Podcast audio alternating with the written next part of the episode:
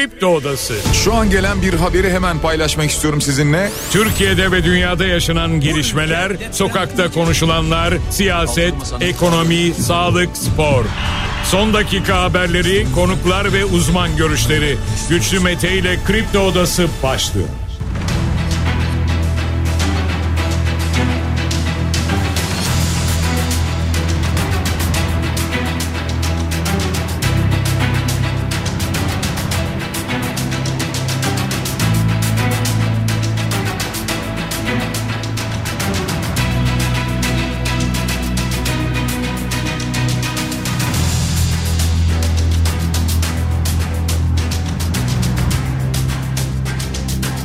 15 Şubat Perşembe sabahından Kafa Radyo'dan Kripto Odası'ndan tüm Türkiye'ye yurt dışında bizi dinleyen dinleyicilerimize günaydın. Hepinize sağlıklı ve güzel bir gün dileyerek programımıza başlıyoruz. Bugün de Kripto Odası'nda saat 10'a dek sizlerle birlikte olacağız. Gündemdeki başlıkları değerlendireceğiz. Sizler de görüşlerinizle fikirlerinizle programa katılmak isterseniz Twitter üzerinden güçlü mete yazarak bana ulaşabilirsiniz. WhatsApp hattımızın numarası 0532 172 52 32.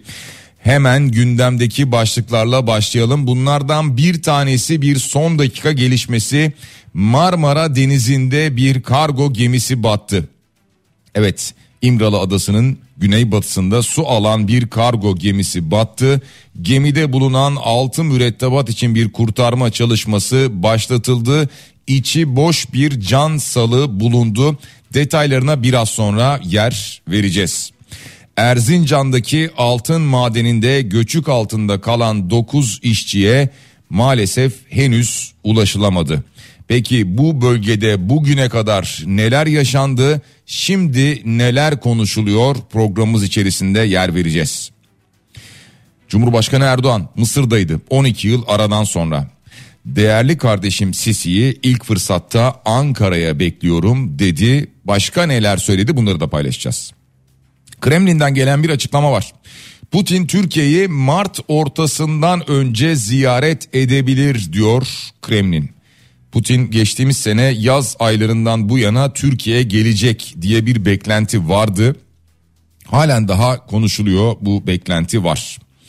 İsveç Türkiye'ye taahhütlerimizi yerine getireceğiz dedi. İsveç'le ilgili Türkiye'den de açıklamalar var. Amerika Birleşik Devletleri'nden açıklama Türkiye vazgeçilmez bir müttefiktir şeklinde oldu. AK Parti seçim çalışmasına saldırıda 16 şüpheli tutuklandı 3'ü çocuk olmak üzere. Özgür Özel'den bir röportaj var. En rahat olduğum iki il İstanbul ve Ankara diyor CHP Genel Başkanı. Ekrem İmamoğlu Kanal İstanbul planları iptal edildi dedi. Yani yargıdan böyle bir iptal kararı çıktı dedi. Yine birazdan detaylarında başka neler var bu haberlerin paylaşırız. İyi Parti Ankara İl Başkanı görevden alındı ki Ankara'da biliyorsunuz bir karışıklık yaşandı Meral Akşener'in bulunduğu alanda. İsrail Hizbullah'a çok şiddetli bir saldırı düzenleyeceğiz dedi. Acaba bu saldırı Lübnan'ı kapsayacak bir saldırı mı, Lübnan'a bir saldırı mı bu merak ediliyor. Eski Fransa Cumhurbaşkanı Sarkozy'ye hapis cezası haberi var. Tatil süresi kısalıyor, okul süresi artıyor. Detaylarında neler var bunları da paylaşacağız. Benzinin litresine 1.79 lira yani 1 lira 79 kuruşluk bir zam geldi. Ürünlerde tadında, lezzeti, keyfi, aromalı gibi ifadeler kullanılması yasaklandı bakanlık tarafından. Meteorolojiden İstanbul ve 16 şehir için sarı kodlu uyarı var. Yağış uyarısı var ki zaten bu sabaha da yağmurla uyandık biz İstanbul'da diğer bazı şehirlerde olduğu gibi. Antalya'da biliyorsunuz yağış çok etkiliydi, şiddetliydi. Sel ve su baskınlarına sebep olmuştu. 3862 binada su baskını olduğu bilgisi paylaşıldı AFAD tarafından.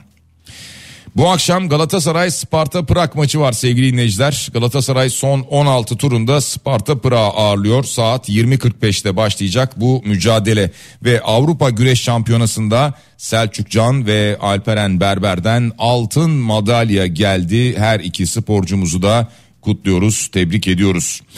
Dolar 30 lira 75 kuruş, euro 33 lira 9 kuruş, gram altın 1970 lira, çeyrek altın 3362 lira görünüyor. Görünüyor diyorum çünkü bunlar listede görünen fiyatlar. Ama şöyle bir baktığımızda bankaya dolar şu anda 31 lira 37 kuruş. Euro 33 lira 65 kuruş. Altının gramı 2007 lira. Zaten biliyorsunuz serbest piyasada 3500 liradan aşağıya çeyrek altın bulmak çok zor. BIST 100 endeksi dün yine 9000 puanın üzerindeydi. 9072 puandaydı dün BIST 100 endeksi. Böyle kapattı veya öyle söyleyelim çünkü bir ara düşmüştü. Bitcoin'e baktığımızda 51 bin doların da üstünü görüyoruz Bitcoin'de. Bitcoin'deki artış trendi devam ediyor gibi %5 civarında bir artış oldu. 51 bin 931 dolarda Bitcoin. Kısaca başlıklarımız böyle sadece bu kadar değil. Ee, bunları biraz detaylandıracağız şimdi sevgili dinleyiciler. Öncelikle Bursa'dan gelen haber. Yani e, Bursa valisi Mahmut Demirtaş'ın yapmış olduğu açıklamalar var ki Marmara Denizi'nde bir kargo gemisi battı. E, gemideki 6 personelin de Türk vatandaşı olduğu bilgisi paylaşıldı vali tarafından. Şu anda henüz mürettebata ulaşılamadı. Geminin tamamen battığı bilgisi paylaşıldı. Ama havadan bir kurtarma çalışması yapılamıyor bilgisi geldi çünkü şu anda hava muhalefeti var. Zaten dalgaların da o bölgede aslında 3 metreyi aştığı yönünde gelen bilgiler vardı.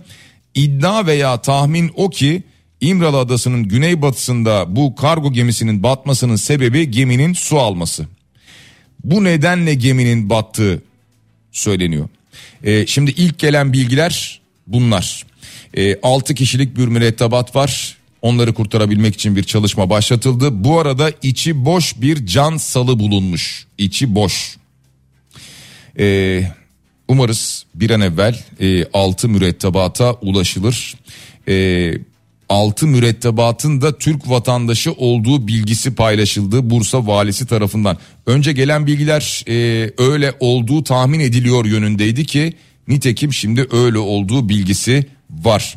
E, Ulaştırma Bakanlığı diyor ki hava muhalefeti nedeniyle helikopter kaldıramıyoruz. E, gemiye dair bir bulguya rastlanmamış. E, bir kurtarma botu bölgeye ulaşmış. Dediğim gibi geminin tamamen battığı söyleniyor çünkü. Ve dolayısıyla tamamen batan geminin tam olarak nerede olduğu şu anda bilinmiyor. Ee, aslında e, havadan bir çalışma yapılsa belki daha net tespit edilebilir deniyor ama şu anda o çalışma yapılamıyor. Umarız e, bir an evvel e, 6 mürettebata e, sağ salim bir şekilde ulaşılır. Hatta umarız bizim yayınımız içerisinde bu bilgiyi paylaşırız. Keşke benzer şekilde Erzincan İliç'te altın madeninde göçük altında kalan 9 işçimizle ilgili de aynı haberi verebilsek. Aynı müjdeli haberi verebilsek. Gelen bilgiler vardı ya işte bir kısmı e, konteynerin içinde bir kısmı işte bir aracın içinde vesaire gibi. Umarız ve keşke sağ salim bizi kurtarılmayı bekliyor olsalar. Ve keşke hemen hızlıca bir haber gelse de daha bilmiyoruz artık ne kadar hızlı olabilir ama e, bayağı vakit geçti çünkü üzerinden. Keşke hemen iyi bir haber gelse de müjde ulaştık e, kendilerini sağ salim kurtardık şimdi hastaneye tedaviye götürülüyorlar gibi bir bilgi paylaşılsa. Çünkü buradan e, artık müjdeli bir haber çıkması e, çok mümkün görünmüyor ama inşallah öyle güzel bir haber gelir. E, biliyorsunuz bir toprak kayması meydana geldi ama öyle böyle değil. Herhalde o videoları izlemişsinizdir öyle tahmin ediyorum. Son gelen yeni videolar da vardı aynı zamanda. E, kurtarma çalışmaları 827 personelle devam ediyormuş. E, hatta demir çubuklarla falan arama çalışmaları yapıldığına dair görüntüler de vardı. E, maden sahası sorumlularının da aralarında bulunduğu 7 kişi gözaltına alınmış. E, bir kişi bildiğim kadarıyla protesto sebebiyle gözaltına alındı. E, Bir iddia vardı o iddia yalanlandı. Toprak altında kalan işçiler resmi rakamın 5 katı yönünde iddialar vardı. E, dezenformasyonla mücadele merkezinden buna ilişkin bir yalanlama gelmiş sevgili dinleyiciler. E, şimdi soruşturmada dediğimiz gibi gözaltına alınanlar var. Ama gelen çeşitli haberler var. Mesela e, CHP milletvekili Taşkın Özer paylaştı birisini. Diyor ki bu heyelan yaşanan madene ÇED raporu veren SRK danışmanlığın yönetim kurulu üyesi Ahmet Oğuz Öztürk 5 Şubat'ta bu şirketin yani Anagol şirketinin yöneticisi olmuş. Yani ÇED raporu veren, olumlu ÇED raporu veren firmanın yöneticisi bu şirketin Anagold yönetiminin içine atanmış. Ee, yani öyle haberler geliyor ki ve zamanında zaten öyle şeyler yaşanmış ki hepsini paylaşacağız. Şimdi e, iddia şu acaba bir çevre kirliliği oluştu mu? Yani e, işte siyanürden dolayı bir çevre kirliliği var mı? Hemen açıklamalar geldi. E, o bölgenin milletvekili olduğu için Erzincan'ın e, milletvekili olduğu için eski başbakanlardan Binali Yıldırım'ın açıklaması da vardı. E, Bakan Öz Haseki açıklama yaptı. E, şu ana kadar herhangi bir kirliliğe ve korktuğumuz bir olaya rastlamadık dedi. Ee, yani tabii e, geçmiş tecrübelerle vatandaş e, bunları mukayese ediyor. Geçmiş tecrübeleri düşündüğümüzde acaba bize doğrular söylenmiyor olabilir mi gibi bir endişemiz var değil mi? Hepimizde aynı endişe var. Ee, daha önce dönemin e, Çevre ve Şehircilik Bakanı olan e, Murat Kurum ki şu anda İstanbul Büyükşehir Belediye Başkan adayı biliyorsunuz. E, bakanlığın madene ÇED olumlu kararı vermesini eleştirenlere kızdı algı operasyonu yapılıyor dedi. Yani bu haberler algı operasyonudur dedi. Gerekli değerlendirmeler sonucu çet kararı verilmiştir diye bir açıklama yaptı. Ama işte e, öyle iddialar var ki ortada. Hatırlarsanız ki yeniden gündeme geldi şimdi. Altın madenine soruşturma açtığı için yargılanan eski Erzincan Cumhuriyet Başsavcısı İlhan Cihaner. Ya bu altın madenine soruşturma açtığı için yargılandı. Diyor ki ne yazık ki böyle olacağı belliydi.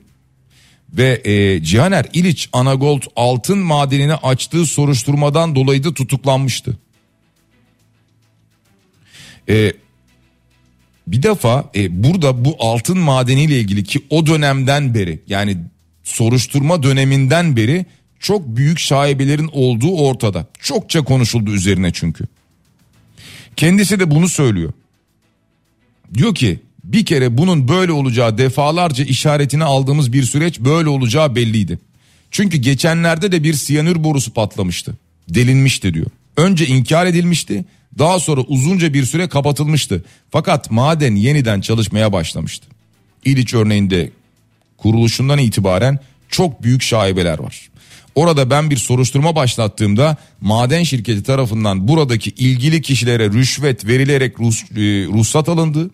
Çevre değerlendirme raporunun manipüle edildiği ortaya çıkmıştı. Ancak maalesef daha sonra bu soruşturmaların etkin bir şekilde yürütülmediğini gördük diyor.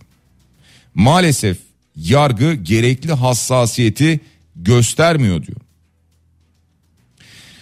Şimdi e, karşımızda bir takım ihmaller olduğu net bir şekilde ortaya çıkıyor. Ya bugüne kadar en azından gelen uyarılardan bunu anlıyoruz. Mesela Erzincan'da madende çalışan bir işçi 15 yıldır baskı, tehdit ve mobbing var diyor. Her gün bu faciayı bekliyorduk diyor. Ee, 23 kat olması gereken yer 33 kata çıkarıldı diyor. Kayan yer 33. kat diyor. Doğal olarak kaldırmadı. Her gün biz bu faciayı bekliyorduk. Madenciler uyardı ama dikkate alınmadı. Üzerimizde bir baskı vardı, tehdit vardı, mobbing vardı. Kimseyi de konuşturmuyorlar diyor. Şimdi anlayabiliyoruz değil mi yavaş yavaş yani bu olay nasıl gelmiş hani durup dururken aa bir doğa olayı ee, işte şimdi buna ne diyeceğiz mesela bilmiyorum depreme 100 yılın e, felaketi dedik. Buna da ne diyeceğiz mesela yılın afeti mi diyeceğiz mesela bilmiyorum ama yani göz göre göre geliyor bazı şeyler. Mecliste Erzincan için bir araştırma komisyonu kurulmuş. Yani bu komisyonun kurulmasına karar verilmiş. Yani komisyondan ne çıkar açıkçası bilmiyorum. O birilerini çağıracaklar, gidecekler, bakacaklar, dinleyecekler falan ama ne çıkar onu bilmiyorum. Yargıda ne çıkacak acaba? Şimdi e, Türkiye Barolar Birliği Başkanı Erinç Sakan'ın açıklaması var bu tür davalarda soruşturma kısmı çok önem arz eder diyor. O sebeple gerçekten bütün sorunların yargı önünde hesap verebilmesi bakımından etkin ve şeffaf bir soruşturma yapılmasını bekliyoruz diyor. Yani e, doğru söylüyor. Yani bunu bekliyoruz da bana sanki öyle geliyor ki daha çok bekleriz. E, Jeoloji Mühendisleri Odası'ndan gelen bir açıklama var. Göçen altın madeninin aktif fay hattına kurulduğunu ancak projenin aktif fay yokmuş gibi hazırlanıp tesisin kurulduğunu söylüyorlar. Ki bunu e, haritalarla fay hattı dahil olmak üzere haritalarla da gösteriyorlar. Bir depremde de zaten burası yıkılabilirdi yıkılabilir halen de böyle bir risk var diyorlar. Bakın jeoloji mühendisleri odasından geliyor bu açıklama. Yani e, bilim bilim çok önemli. Türkiye'de eğitim, Türkiye'de liyakat. Bunlar çok önemli şeyler. İşte bu tip zamanlarda anlıyoruz ne kadar önemli olduğunu. O yüzden şimdi süper hızlı tren yapacağız falan deniliyor ya. Dedim ki yapılsın. Türkiye'de birçok bölge sırf İstanbul Ankara arası değil. İstanbul'dan İzmir'e, İstanbul'dan Antalya'ya, Ankara'dan Antalya'ya ne bileyim yapılsın. Ama yani bunu yapacak olan kurumlar, kişiler liyakatli insanlar olsun. İşte bir firmaya verdik. Aldı. Bir inşaat firması o yapacak, bu yapacak falan filan değil. Bizim yakınımız, tanıdığımız eş, dost falan değil. Çünkü daha önce tren faciaları da yaşadık. Neyse şimdi tekrar biz Erzincan'a dönelim. Çünkü Erzincan'da şu anda 9 kişi, 9 işçi, 9 can toprak altında. Keşke bir müjdeli haber verebilsek. İsteğimiz bu. E, CHP Ordu Milletvekili Seyit Torun mesela Fatsa'daki altın madeniyle ilgili konuşuyor. Burada da siyanürlü havuz var diyor. Şu anda büyümesi için de ÇED raporu alınmaya çalışılıyor. Buranın nasıl bir tehdit oluşturduğunu söyledik ama kulak tıkadılar diyor. Şimdi bunlar konuşuluyor ya böyle mesela. Ya belki siyaseten veriliyor mesajlar falan ayrı da. Şimdi CHP'den e, ordu milletvekili söylüyor bunu ama Fatsa'da böyle bir facia yaşanabilir biz bunu söylüyoruz diyor. Aradan yıllar geçiyor 3 sene 5 sene 10 sene sonra bir bakıyoruz bir facia yaşanıyor bu bölgede. Sonra şuna dönüyoruz. Ya bu var ya 10 sene önce söylenmişti, 5 sene önce söylenmişti, yargıya gidilmişti. İşte ÇED olumlu raporu verilmesin denmişti, verilmişti. Bunları konuşuyoruz daha sonra. Umarız bir an evvel e, sağ salim e, ulaşılır dileğimiz bu. Devam ediyoruz gündemdeki diğer başlıklarla. Cumhurbaşkanı Erdoğan biliyorsunuz e, Mısır'ı ziyaret etti. Mısır Cumhurbaşkanı Sisi ile bir araya geldi. Şimdi iki ülke ilişkilerini geliştirmek istediklerini söylediler. Sisi iki ülke arasında yeni bir sayfa açıyoruz dedi. Erdoğan Türkiye-Mısır ilişkilerini hak ettiği seviyeye çıkartma gayretindeyiz dedi ve aynı zamanda 15 milyar dolara ticaret hacmini çıkarmak için mutabık kalındığını da açıkladılar. 2013'ten bu yana e, ilk kez bir araya gelindi biliyorsunuz. Cumhurbaşkanı Erdoğan'ın daha önce e, Sisi ile ilgili çünkü e, çok sert açıklamaları işte darbeci vesaire falan şeklinde açıklamaları vardı. Hatta hatırlarsanız e, Ekrem İmamoğlu ile Binali Yıldırım İstanbul seçimi için yarışırken bir tarafta Binali Yıldırım kardeşimiz bir tarafta Sisi hangisine oy vereceksiniz diye bir seçim kampanyası yürütülmüştü hatırlayacak olursanız. Şimdi dinleyicilerimiz de sormuşlar sesi bir ara şöyleydi böyleydi. Şimdi ne oldu diyorlar. Şimdi şöyle oldu. E, Cumhurbaşkanı Erdoğan değerli kardeşimi ilk fırsatta Ankara'ya beklediğimi söyledim diye bir açıklama yaptı. E, zaten aslına bakarsanız şimdi şöyle haberler yapılıyor. E, Sisi ile ilgili söylenenler ve şimdi 12 yıl sonra gelen bir U dönüşümü. Veya hatırlayın e, Suudi Arabistan'da yaşananlar Kaşıkçı cinayeti sonrası e, yaşananlar ve ardından daha sonra gelen bir normalleşme süreci. Yani birçok şey biz yaşadık Yunanistan'la. Yani Yunanistan'la ilgili söylemediğimiz kalmadı. Daha sonra Yunanistan'la tekrar bir araya geldik. Ama şimdi bunlar tabii bir U dönüşü olarak gösterilse de e, aslına bakarsanız tamam U dönüşü var mıdır burada vardır kabul. E, ama aslında siyasette zaten politikada e, bunların bu kadar uzun süreli olmaması gerekiyor. Hep söylüyoruz. Daha önce de söyledik. Yani Yunanistan'la ilişkiler bir anda e, dondurulamaz. Yani tamam e, siyaseten e, veya uluslararası ilişkiler adına bir takım adımlar atılabilir doğru. Ama yani bir anda kestik bir daha görüşmeyeceğiz. İşte öyle değil komşunuz sizin görüşmek zorunda kalırsınız. E, veya işte Mısır e, Sisi işte katil darbeci bilmem ne falan dedik tamam dedik olabilir. E, ama ilişkiler sürdürülür. İki ülke arasındaki ilişkiler sürdürülmek zorunda. Suriye ile işte yok e, Esad'tı Esed oldu Esed'ti Esad oldu falan. Sonra tekrar dönersiniz görüşmek zorunda kalırsınız. Yani uluslararası ilişkiler bunlar. Ben seni tanımıyorum sen beni tanımıyorsun bir daha da seni görmem hiçbir yerde karşıma çıkma diyemezsin. E, bunu hep söylüyorduk. Nitekim e, aradan e, zaman geçtikten sonra bir şekilde e, böyle geri dönüşler olduğunu gördük. Ee, tarih tekerrürden ibaret 3 gün konuşur 4. gün madeni açar devam ederler Soma'da 301 madenci unutulup gitti diyor bir dinleyicimiz böyle bir mesaj göndermiş. Ee, devam ediyoruz biz gündemdeki diğer başlıklarla sevgili dinleyiciler. Gündem bir hayli yoğun hepsini paylaşmaya çalışacağız. Biraz hızlı hızlı gidelim.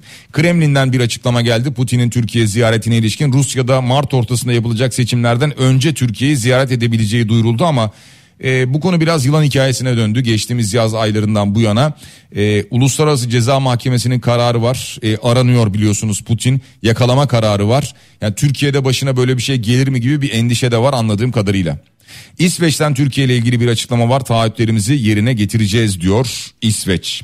Ve e, Dışişleri Bakanlığı'ndan bir açıklama geldi ki İsveç ve F-16 konuları Türkiye Amerika Birleşik Devletleri ilişkileri için yeni bir fırsat deniyor. Amerika'nın da Ankara Büyükelçisi Flake'ten bir açıklama Türkiye vazgeçilmez bir müttefiktir şeklinde oldu. Bunlar biraz e, dış haberler Türkiye ile alakalı dış haberlerdi sevgili dinleyiciler. Ee, bir dinleyicimiz mesaj göndermiş ona bakıyordum bir yandan güçlü ve Türkiye'de her işte ihmal var çünkü rant var ona önlem almak için gereken şey de birine bir şey olması gerekiyor diyor. Ee, birine bir şey olduğunda bile önlem alınmıyor alınıyormuş gibi gösteriliyor. Küçükçekmece'deki bu saldırıda hedefin AK Parti Küçükçekmece Belediye Başkan adayı Aziz Yeniay olduğu ortaya çıktı ki ardından da 16 e, şüpheli tutuklandı dün. 3'ü e, çocuk olmak üzere 16 şüphelinin tutuklandığı haberi paylaşıldı. Özgür Özel en rahat olduğum iki il İstanbul ve Ankara demiş. Ee, gerçekten bu kadar rahat olunacak iki il midir bilmiyorum.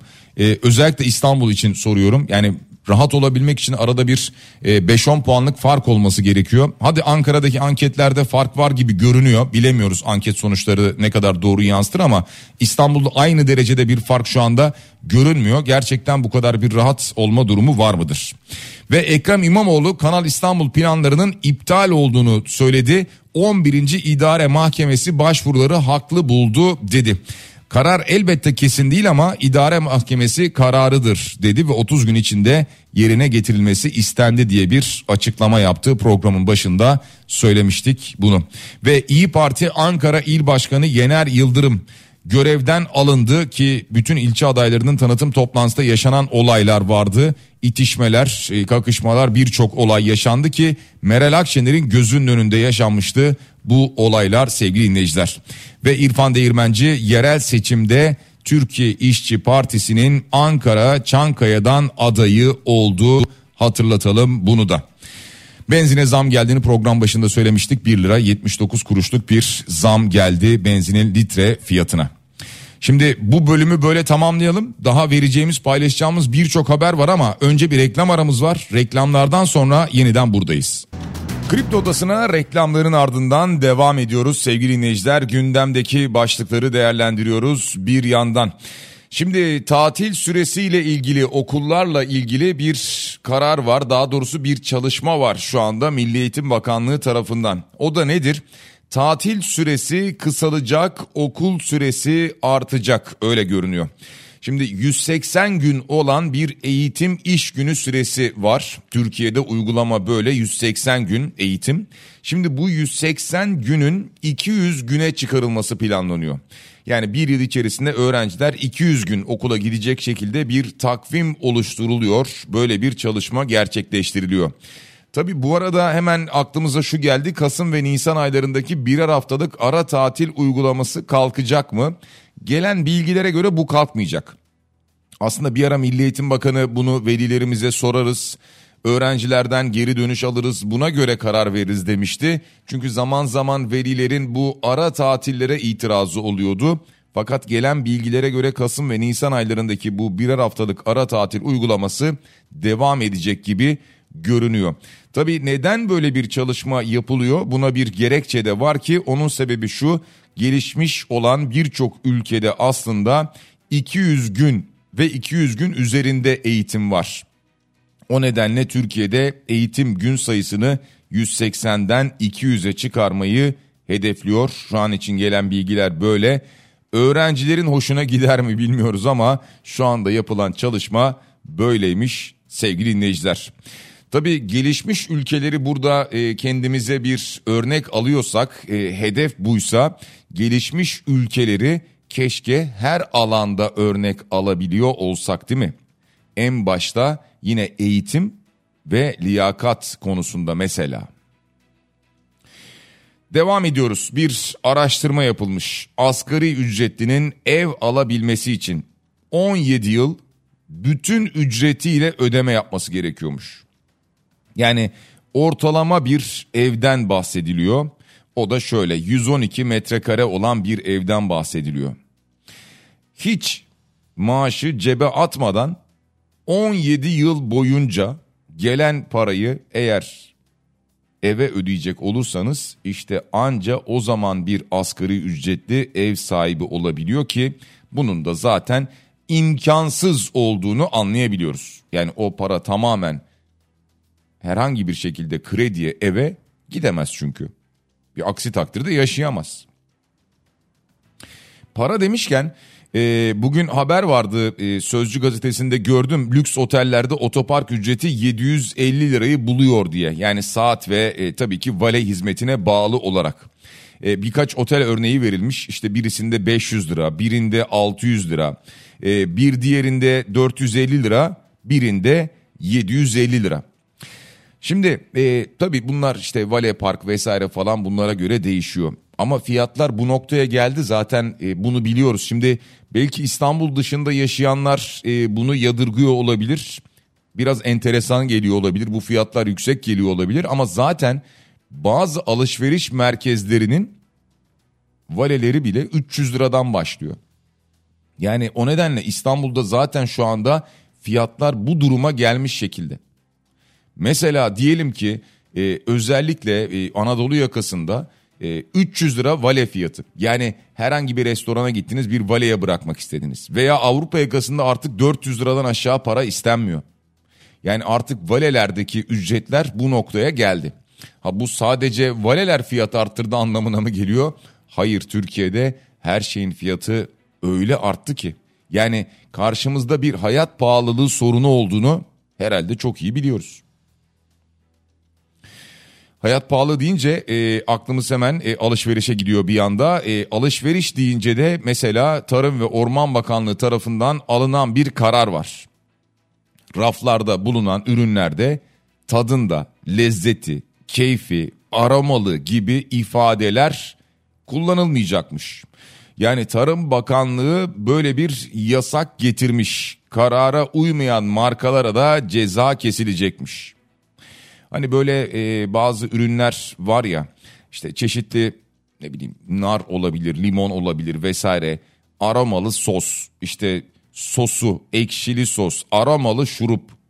İşte e, bunlar daha önce yasaklanmıştı. Şimdi üzerinde işte mesela nar tadında yazıyorsa veya işte limon aromalı yazıyorsa e, bilmiyorum işte bir şey keyfi lezzeti yazıyorsa bu ürünler yasaklanacakmış. Daha doğrusu bunların bu şekilde lanse edilmesi yasaklanmış Tarım ve Orman Bakanlığı tarafından. Çünkü aynı zamanda orada bir e, anlıyoruz ki e, bir hile var yani bir kandırma durumu var. E, tam olarak o değil onun tadında. Yani işte tam olarak mesela limon suyu değil işte limon suyu tadında falan gibi veya işte limon suyu lezzeti limon lezzeti falan. Yani işte bunların e, yasak olduğunu söylemiş Tarım ve Orman Bakanlığı. Anladığım kadarıyla e, marketleri de uyarmış üzerinde böyle yazan ürünleri satmayın diye. Devam ediyoruz gündemdeki diğer başlıklarla sevgili dinleyiciler. E, bu kez Ahmet Altan ve Nazlı Ilıcak'la ilgili bir haber vereceğiz. O da FETÖ'nün medya yapılanmasına ilişkin davada Nazlı Ilıcak biliyorsunuz e, hapis yatmıştı ve çıkmıştı geçtiğimiz günlerde. Şimdi yine hapis cezaları verilmiş. Nazlı Ilıcak için 5 yıl 3 ay, Ahmet Altan hakkında 6 yıl 3 ay 18 günlük bir hapis cezası çıkmış terör örgütüne bilerek ve isteyerek yardım etme suçlarından. Devam ediyoruz gündemdeki diğer başlıklarla. Aydın'ın Efeler ilçesinde 6 aracın karıştığı bir trafik kazası meydana geldi. Burada 10 kişi yaralandı, bir kişi de hayatını kaybetti. E, yola iddia ki yola e, bir kamyondan limon posası dökülmüş ve ardından da işte biri halk otobüsü olmak üzere 6 araç birbirine girmiş. Maalesef işte az önce söylediğimiz gibi bir kişi hayatını kaybetmiş, 10 kişi de yaralanmış. Yaralılara acil şifalar dileriz. Devam ediyoruz. Eski Fransa Cumhurbaşkanı Sarkozy'ye hapis cezası verildi. E, 6 ay ertelenmiş bir yıl hapis cezasına çarptırıldı. E, bunun da sebebi şu daha önce biliyorsunuz yargılanıyordu bu davayla ilgili Cumhurbaşkanı eski Cumhurbaşkanı Sarkozy 2012'deki Cumhurbaşkanı seçiminde yasa dışı finansman sağlamak suçundan yargılanıyordu. Yani seçim harcamalarını parti faaliyeti gibi gösterme suçlaması vardı. Bundan dolayı yargılanıyordu. İşte böyle bir ceza aldı. Peki ne olacak? Hapis yatacak mı? Buna ilişkin anladığımız kadarıyla bir kez daha mahkemeye çağrılacak ve cezasını nasıl çekeceğine karar verilecek. Ama tabii muhtemelen e, orada da Yargıtay'a gidecek böyle bir itirazı olacak Sarkozy'nin deniyor gelen haberlere göre. Türkiye'nin e, biliyorsunuz silahlı şiddet haritası yayınlandı. Geçtiğimiz günlerde konuşuruz detaylarını dedik konuşamadık ama şimdi bu rapor çokça konuşuluyor. E, Türkiye'de son 10 yılda toplam 34.197 silahlı şiddet olayı yaşanmış. Bu olaylarda 21.434 kişi ölmüş, öldürülmüş. Bazıları ağır olmak üzere 31 binin üzerinde kişi yaralanmış. 2023 yılında şimdi baktığımızda en çok silahlı saldırının yaşandığı il ilk sırada İstanbul geliyor. Tabii belki nüfus yoğunluğundan dolayı da olabilir, büyük şehir olmasından dolayı da olabilir. İstanbul'dan sonra ikinci sırada Samsun var. Silahlı şiddet haritasında. Üçüncü sırada Adana, dördüncü sırada İzmir, beşinci sırada Kocaeli'yi görüyoruz. Daha sonrasında bu sıralama Sakarya, Bursa, Şanlıurfa, Ankara, Diyarbakır ve Çorum şeklinde devam ediyor.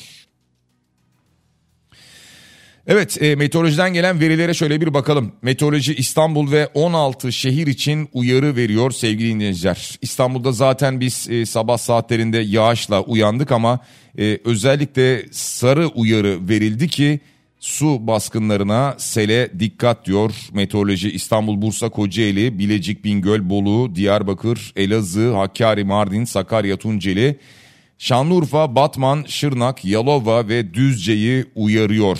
Aynı zamanda biliyorsunuz Antalya'da su baskınları yaşandı, sel vardı. 3600 pardon 3862 binada su baskınının meydana geldiğini duyurdu. AFAD'dan böyle bir bilgi paylaşıldı. Aynı zamanda Şanlıurfa'da sağanak vardı, dere taştı. Viranşehir karayolu ulaşıma kapatıldı. Dünden gelen bilgi buydu. Ve bir de spor başlığı atalım sevgili dinleyiciler programın sonuna yaklaşırken. Galatasaray bu akşam Sparta Prag'la karşılaşacak. UEFA Avrupa Ligi son 16 playoff turu ilk maçında karşılaşacak Galatasaray. Bu karşılaşma saat 20.45'te başlayacak.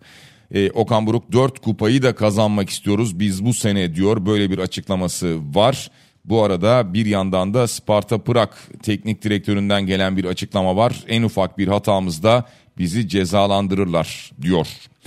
Ve millilerimizden Avrupa Güreş Şampiyonası'nda iki altın madalya geldi.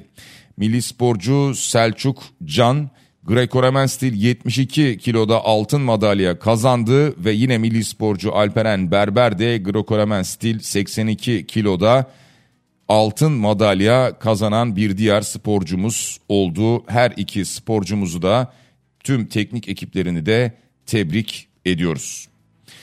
Ve artık geliyoruz yavaş yavaş programın sonuna. Mümkün olduğunca tüm başlıkları yine bir program içerisinde sizlerle paylaşmaya gayret ettik. Cenkere Teknik Basar'a teşekkür ediyoruz. Yarın sabah aynı saat diliminde yeniden buluşana dek hepinize sağlıklı ve güzel bir gün diliyorum. Şimdilik hoşçakalın.